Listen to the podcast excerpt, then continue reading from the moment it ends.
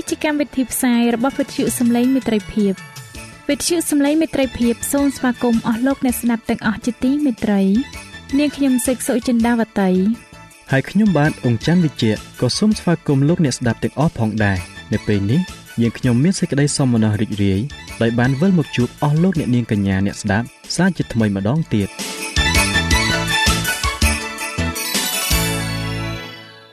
ចា៎លោកអ្នកស្ដាប់ជាទីមេត្រី នាងខ្ញុំសូមគោរពអញ្ជើញអស់លោកលោកស្រីអ្នកនាងកញ្ញាតាមដានស្ដាប់កម្មវិធីផ្សាយរបស់វិទ្យុយើងខ្ញុំដូចតទៅ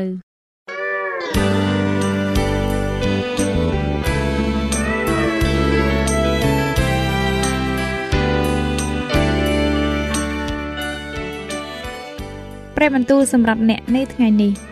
ព្រះគម្ពីររ៉ូមជំពូក5ខ3ដល់ខ5បានចែងថា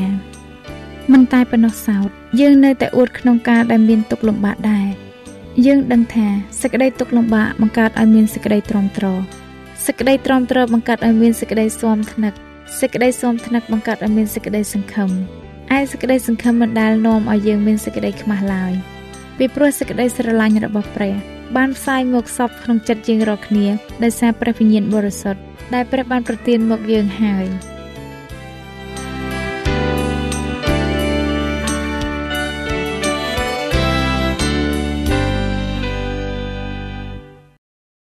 ជំរាបសួរអស់លោកអ្នកដែលកំពុងតែតាមដានស្ដាប់នីតិសភាស្គូលប្រចាំសប្ដាហ៍ទាំងអស់គ្នាជាទីមេត្រី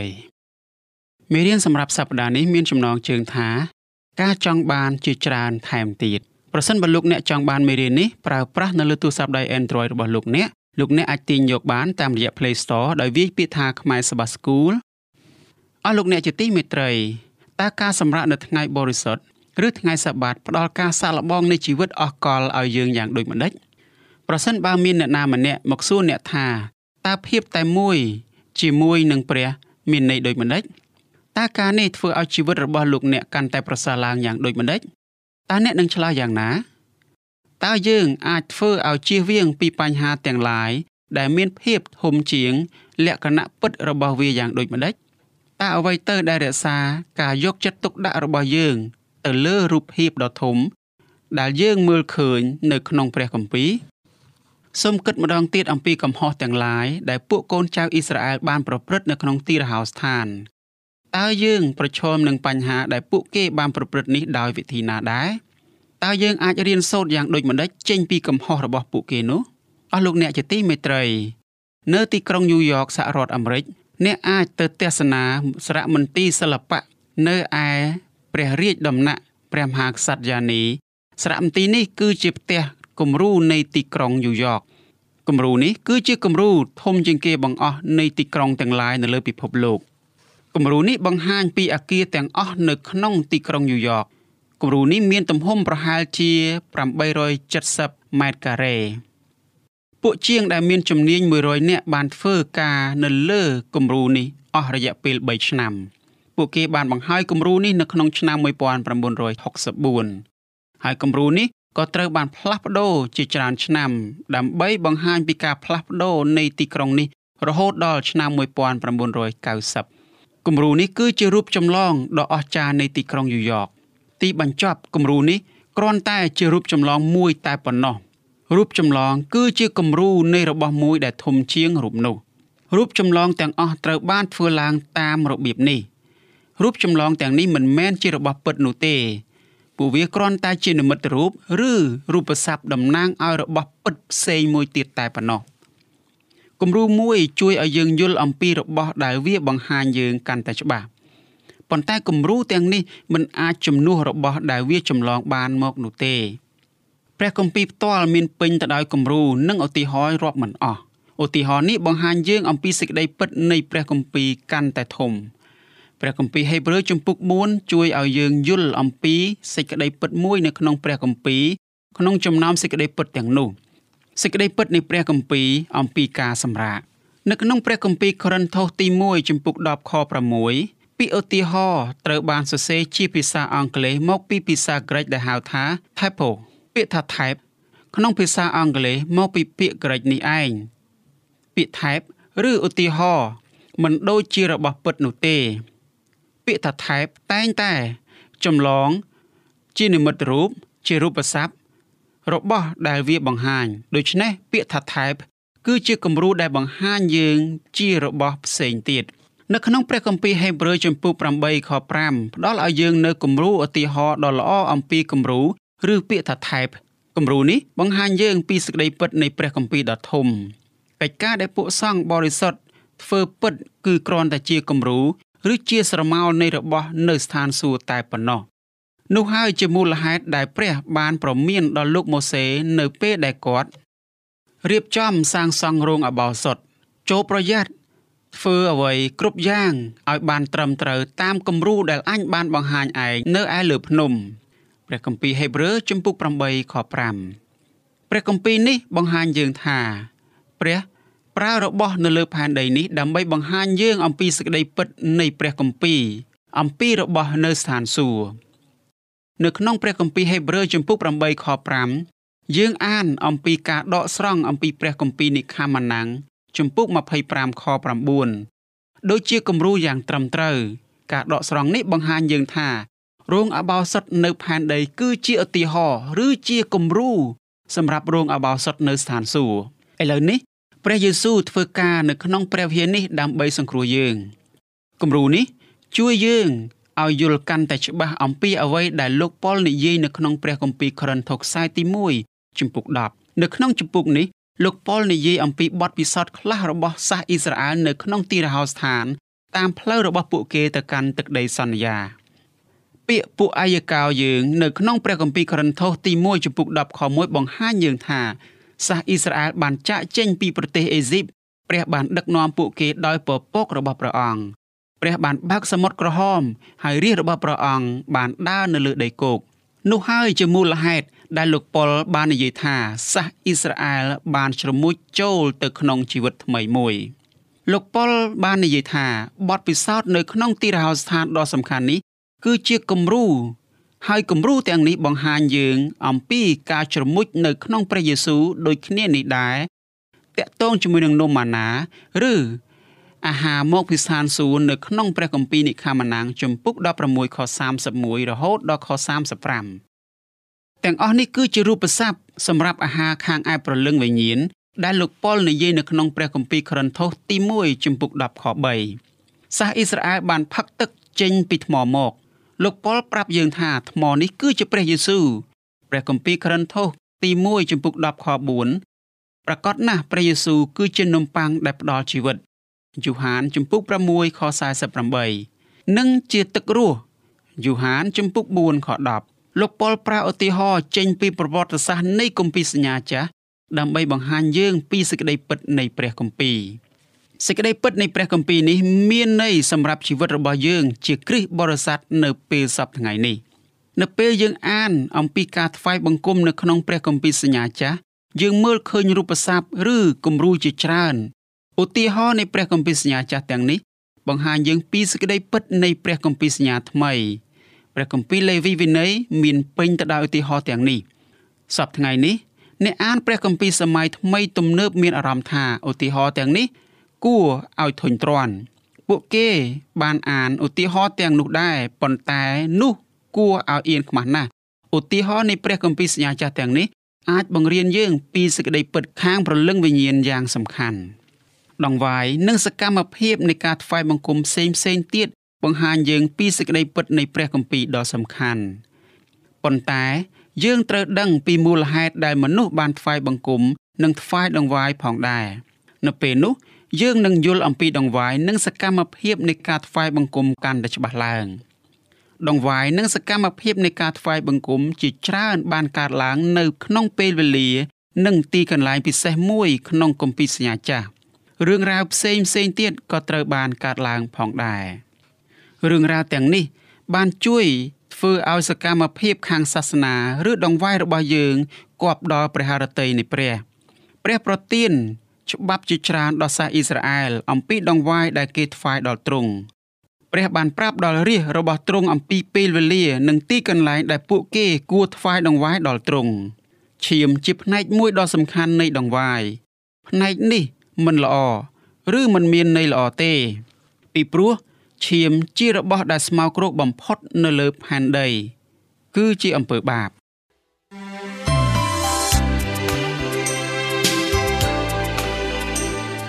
សេចក្តីជំនឿកើតឡើងដោយលឺហើយដែលលឺនោះគឺដោយសារព្រះបន្ទូលនៃព្រះ តាមរយៈវិទ្យុសំឡេងមិត្តភាព AWR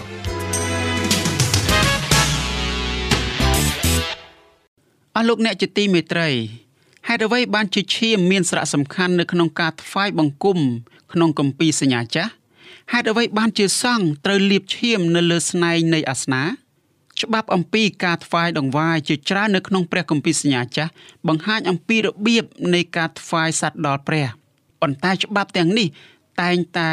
មិនបានពន្យល់អំពីមូលហេតុនៃការថ្វាយដង្វាយនោះទេ ប្រហែលមកពីសាសអ៊ីស្រាអែលបានយល់អំពីការទាំងនេះរួចទៅហើយយើងដឹងថា ពួកគេបានយល់ថាឈាមមានសារៈសំខាន់ដូចដែលមានចែងនៅក្នុងព្រះគម្ពីរលេវីវិន័យជំពូក17ខ11 យើងបានរកឃើញការពន្យល់ដ៏សំខាន់នៅក្នុងគម្ពីរលេវីវិន័យជំពូក4ខ32ដល់35អំពីឈាមនេះនៅក្នុងខទាំងនោះពួកសង្ឃបានដាក់ឈាមខ្លះនៅលើអាសនាហើយក៏ចាក់ឈាមដែលនៅសល់ទៅខាងក្រោមអាសនាសង្ឃនឹងធ្វើការនេះដើម្បីឲ្យបានស្អាតឲ្យព្រះអត់អោនទោសដល់អ្នកដោយដែលមានចែងនៅក្នុងព្រះគម្ពីរលេវីវិន័យជំពូក4ខ35ខនេះបង្ហាញយើងថា ឈាមគឺជាផ្នែកមួយដ៏សំខាន់នៃការអត់អោនទោសរបស់យើងឈាមគឺជាផ្លូវដែលព្រះធ្វើឲ្យយើងបានត្រឹមត្រូវជាមួយនឹងទ្រង់វិញដូច្នេះដងវាយនៃព្រះគម្ពីរសញ្ញាចាស់បង្ហាញយើងពីការសគត់របស់ព្រះយេស៊ូវជំនួសយើងដងវាយទាំងនេះក៏បង្ហាញយើងពីការងារដែលព្រះអង្គធ្វើនៅស្ថានសួគ៌នៅពេលនេះដើម្បីជួយសង្គ្រោះយើងផងដែរតើ រូបស័ព្ទនិងគំរូនៅក្នុងព្រះគម្ពីរអ្វីខ្លះដែលបង្ហាញយើង អំពីការសម្រាកសូមយើងក្រឡេកមើលនៅឧទាហរណ៍មួយចំនួនដូចតទៅព្រះគម្ពីរហេព្រើរជំពូក4ខ1ដល់ខ11ចែងអំពីគំនិតសំខាន់ពីរមិនបោះបង់ចោលនិងនៅតែស្មោះត្រង់ជាមួយនឹងព្រះព្រះគម្ពីរហេព្រើរជំពូក4ខ1ដល់ខ11គឺជាសេចក្តីអញ្ជើញទៅកាន់រាជរបស់ព្រះឲ្យនៅរឹងមាំក្នុងសេចក្តីជំនឿ ព្រះអញ្ជើញយើងឲ្យនៅតែស្មោះត្រង់ទៅនឹងដំណឹងល្អរបស់ព្រះយេស៊ូវព្រះគម្ពីរដដែលនេះជួយយើងឲ្យមើលឃើញថា យើងគួររៀនសូត្រមេរៀនចេញពីរបៀបដែលព្រះបានដឹកនាំយើងកន្លងមក នៅពេលនោះអ្នកណាម្នាក់ក្នុងចំណោមពួកយើងនឹងវង្វេងទៅតាមគំរូរបស់អ្នកដែលបដិសេធមិនស្ដាប់តាមបង្គាប់ព្រះដូច្នេះនៅពេលព្រះដឹកនាំអ្នកអ្នកយកចិត្តទុកដាក់ព្រះបានបង្រៀនដំណឹងល្អដល់សាសអ៊ីស្រាអែល ក្នុងអំឡុងពេលនៃគម្ពីរសញ្ញាចាស់ប៉ុន្តែដំណឹងល្អនេះមិនបានធ្វើល្អអ្វីដល់សាសអ៊ីស្រាអែលនៅទីចុងបំផុតទេពួកគេបានងាកបែរប្រឆាំងទាស់នឹងព្រះសូមប្រៀបធៀបជាមួយនឹងគម្ពីរហេព្រើរជំពូក3ខ7ដល់ខ15ដូច្នេះសាសអ៊ីស្រាអែលមិនដែលបានសម្រាកដែលព្រះចង់ឲ្យពួកគេមាននោះទេព្រះគម្ពីរហេព្រើរជំពូក4ខ3បង្ហាញយើងពីទំនាក់ទំនងយ៉ាងជិតស្និទ្ធ រវាងសេចក្តីជំនឿនិងការសម្រាកយើងអាចចូលទៅក្នុងការសម្រាករបស់ព្រះ មានតែនៅពេលដែលយើងជឿនិងទុកចិត្តលើទ្រង់តែប៉ុណ្ណោះព្រះយេស៊ូវសន្យាប្រទានការសម្រាកដល់យើង យើងត្រូវតែជឿទុកចិត្តថាព្រះអង្គអាចរក្សាសេចក្តីសន្យានេះជាមួយនឹងយើងបានព្រះគម្ពីរហេព្រើរជំពូក4ខ4ដល់ខ7ចែងអំពីរបៀបដែលសាសអ៊ីស្រាអែលមិនមានសេចក្តីជំនឿលើព្រះ នេះហើយជាមូលហេតុដែលពួកគេមិនអាចចូលទៅក្នុងការសម្រាកដែលព្រះចង់ឲ្យពួកគេមានបាន ក្នុងគម្ពីរហេព្រើរជំពូក4ខ4ដល់ខ7យើងក៏មើលឃើញការដកស្រង់ចេញពីព្រះគម្ពីរទំនុកដំកើងជំពូក95ផងដែរព្រះគម្ពីរទំនុកដំកើងជំពូក95ខ8ដល់ខ11បង្ហាញយើងពីទំនាក់ទំនងរវាងបទពិសោធន៍របស់សាសអ៊ីស្រាអែលនៅក្នុងទីរហោស្ថាន និងការសម្រាកដែលព្រះយេស៊ូវប្រទានដល់យើងចេញពីអំពើបាបព្រះគម្ពីរទំនុកដំកើងជំពូក95នេះប្រាប់យើងថាព្រះសន្យាថាសាសអ៊ីស្រាអែលនឹងមិនបានចូលទៅក្នុងការសម្រាករបស់ទ្រង់នៅពេលនោះឡើយពួកបណ្ដាជនជឿថាការសម្រាកនេះមានន័យថាជាទឹកដីសន្យាប៉ុន្តែការសម្រាកនៅក្នុងសម័យព្រះគម្ពីរសញ្ញាចាស់រាប់បញ្ចូលមិនត្រឹមតែជាទឹកដីដែលមនុស្សរស់នៅនោះទេ ប្រកបណាស់40ឆ្នាំក្រោយមកសាសអ៊ីស្រាអែលក៏បានចូលទៅក្នុងទឹកដីសន្យា ការនោះបានកើតឡើងបន្ទាប់ពីពួកអ៊ីស្រាអែលចាស់ចាស់បានស្លាប់នៅក្នុងទីរហោស្ថានអស់ពីព្រោះពួកគេមិនបានទុកចិត្តដល់ព្រះជាម្ចាស់ដែលបានប្រទានការសម្រាកដល់ពួកគេនោះឡើយបន្ទាប់មកក្រុមអ៊ីស្រាអែលថ្មីមួយក្រុមបានកើតឡើងនៅក្នុងទីរហោស្ថាននោះ គឺជាក្រុមអ៊ីស្រាអែលថ្មីនេះឯងដែលបានជំនួសពួកអ៊ីស្រាអែលដែលមិនស្ដាប់បង្គាប់ព្រះហើយបានស្លាប់អស់នោះទៅសាសអ៊ីស្រាអែលក្មេងៗទាំងនោះបានចូលទៅក្នុងទឹកដីសន្យាហើយបានរស់នៅទីនោះប៉ុន្តែខណៈពេលវេលាបានកន្លងទៅអនាគតកូនចៅអ៊ីស្រាអែលក្រុមថ្មីនេះមិនបានមានបទពិសោធន៍ជាមួយនឹងព្រះយេស៊ូវជាព្រះអង្គសង្គ្រោះរបស់ពួកគេនោះទេ ពួកគេមិនមានជំនឿលើសេចក្តីស្រឡាញ់ដែលជួយសង្គ្រោះ របស់ទ្រង់ទេដូច្នេះពួកគេក៏មិនបានសម្រេចដែរពួកអ៊ីស្រាអែលទាំងនេះបានបំពេញនឹងបញ្ញត្តិរបស់ព្រះ ការមិនស្ដាប់បង្គាប់របស់ពួកគេបានបង្ហាញថា ពួកគេមិនបានទុកចិត្តលើព្រះឡើយពាក្យថាសប្តាហ៍ថ្ងៃនេះនៅក្នុងព្រះគម្ពីរហេព្រើរជំពូក4ខ6ជាភាសាក្រិចដែលហៅថាសេមីរុនសេមីរុនជួយយើងឲ្យមើលឃើញថា យើងមិនមានពេលវេលាដែលត្រូវបង្អែបង្អង់ឡើយសេមីរុនឬពាក្យថាសប្តាហ៍ថ្ងៃនេះ បង្ហាញយើងថាព្រះចង់ឲ្យយើងធ្វើការសម្រេចចិត្តនៅពេលឥឡូវនេះព្រះអង្គចង់ឲ្យយើងទទួលយកការសម្រេចរបស់ទ្រង់លោកប៉ុលជាអ្នកនិពន្ធគម្ពីរហេព្រើរបង្ហាញយើងថា ប្រសិនបើយើងពិតជាចង់សម្រេចយើងត្រូវតែឆ្លើយតបទៅនឹងព្រះនៅពេលនេះ ព្រះគម្ពីរទំនុកដំកើងជំពូក95ខ7ដល់ខ8ប្រមានយើងកុំឲ្យធ្វើខុសនៅកំហុសដែលសាសអ៊ីស្រាអែលបានធ្វើនោះឡើយប្រសិនបើយើងធ្វើយើងនឹងបរាជ័យមិនបានចូលទៅក្នុងការសម្រាកដែលយើងអាចរកឃើញតែនៅក្នុងព្រះនិងក្នុងសេចក្តីមេត្តាករុណារបស់ទ្រង់នោះឡើយក្នុងព្រះគម្ពីរហេព្រើរជំពូក4ខ8ដល់ខ11យើងឃើញថា លោកម៉ូសេ មិនបានផ្ដល់ការសម្រាកដល់រាជរបស់ព្រះទេ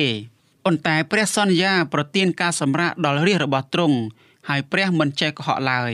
ដូច្នេះប្រកាសជាមានការសម្រាកមួយផ្សេងទៀតដែលរាជរបស់ព្រះនឹងមានអំណរ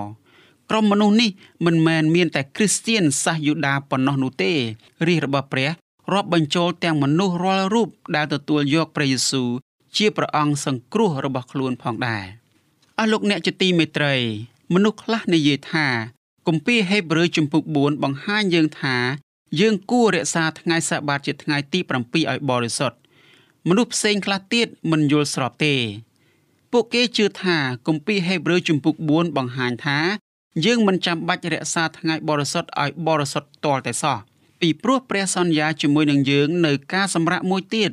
នៅពេលចុងបំផុតនៃពេលវេលាគំនិតទាំងពីរនេះបរាជ័យ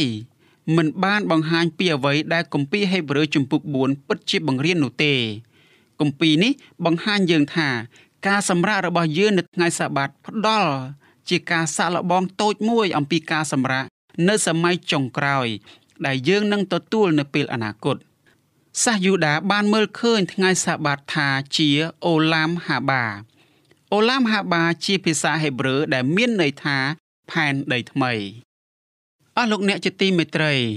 សេចក្តីសន្យាពីការសម្រាកនៅពេលអនាគតសម្រាប់រាជរបស់ព្រះបង្ហាញយើងថា យើងមិនចាំបាច់ធ្វើការអស់មួយជីវិតអស់កលនោះទេ យើងអាចទុកចិត្តលើព្រះអង្គសង្គ្រោះរបស់យើង យើងអាចសម្រាកនៅក្នុងសេចក្តីសន្យានៃសេចក្តីមេត្តាករុណានិងការអត់ឱនទោសរបស់ទ្រង់ដូច្នេះមនុស្សដែលនិយាយថា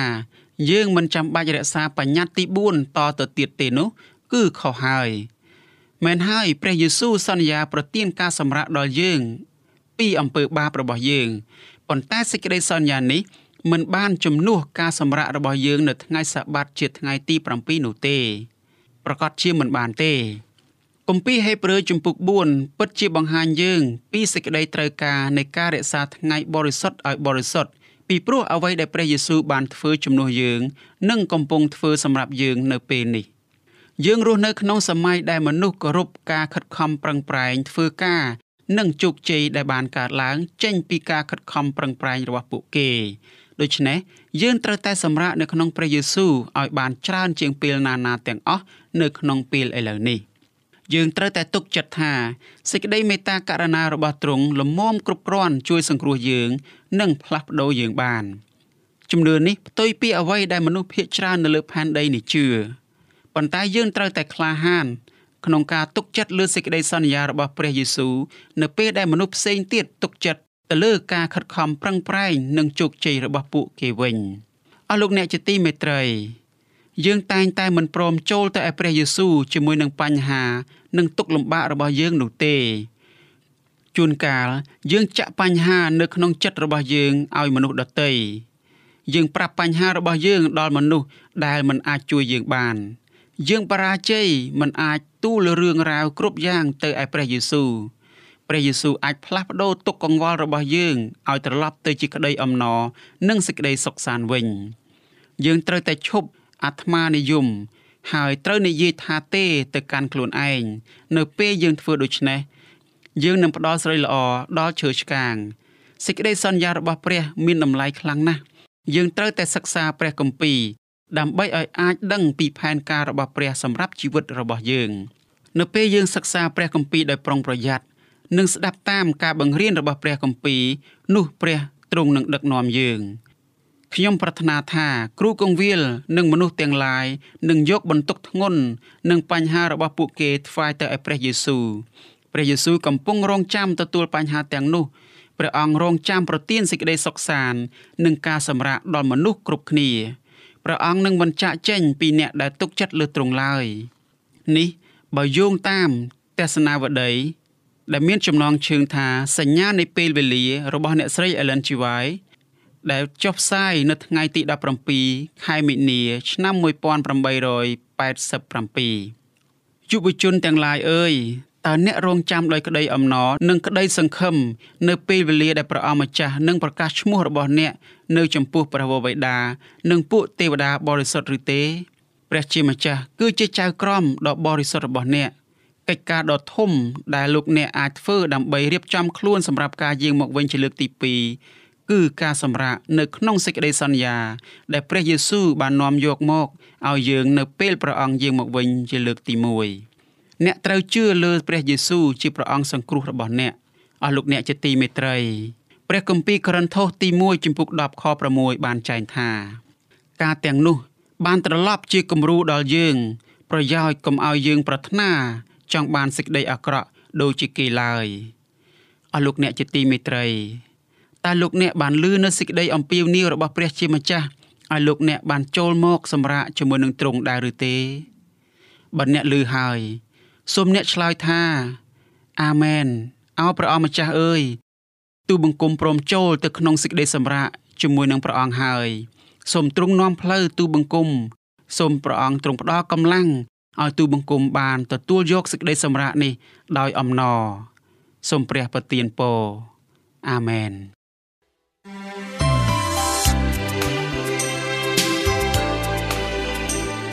វិទ្យុសំឡេងមេត្រីភាព AWR មានផ្សាយពីរដងក្នុងមួយថ្ងៃគឺព្រឹកនៅម៉ោង6និងពេលយប់នៅម៉ោង8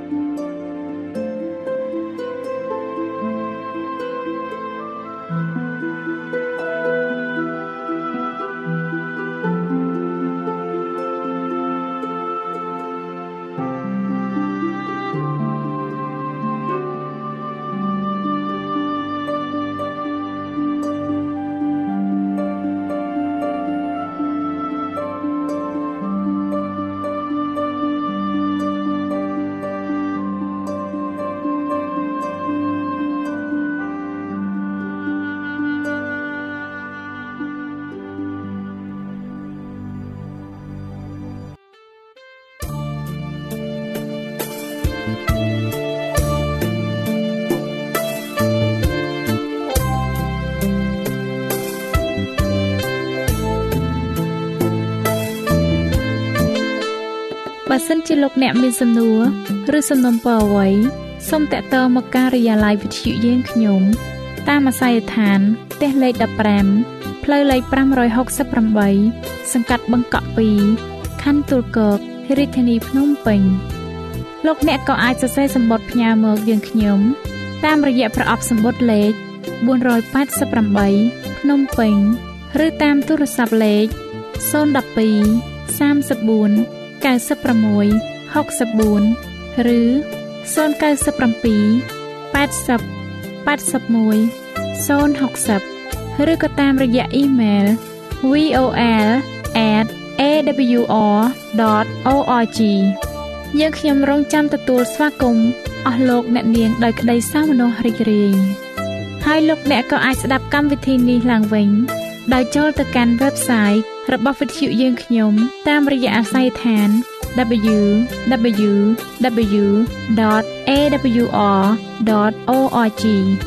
លោកអ្នកនាងកញ្ញាជាទីមេត្រី កម្មវិធីផ្សាយរបស់វិទ្យុសំឡេងមេត្រីភាពនៅពេលនេះសូមបញ្ចប់តែប៉ុណ្ណេះ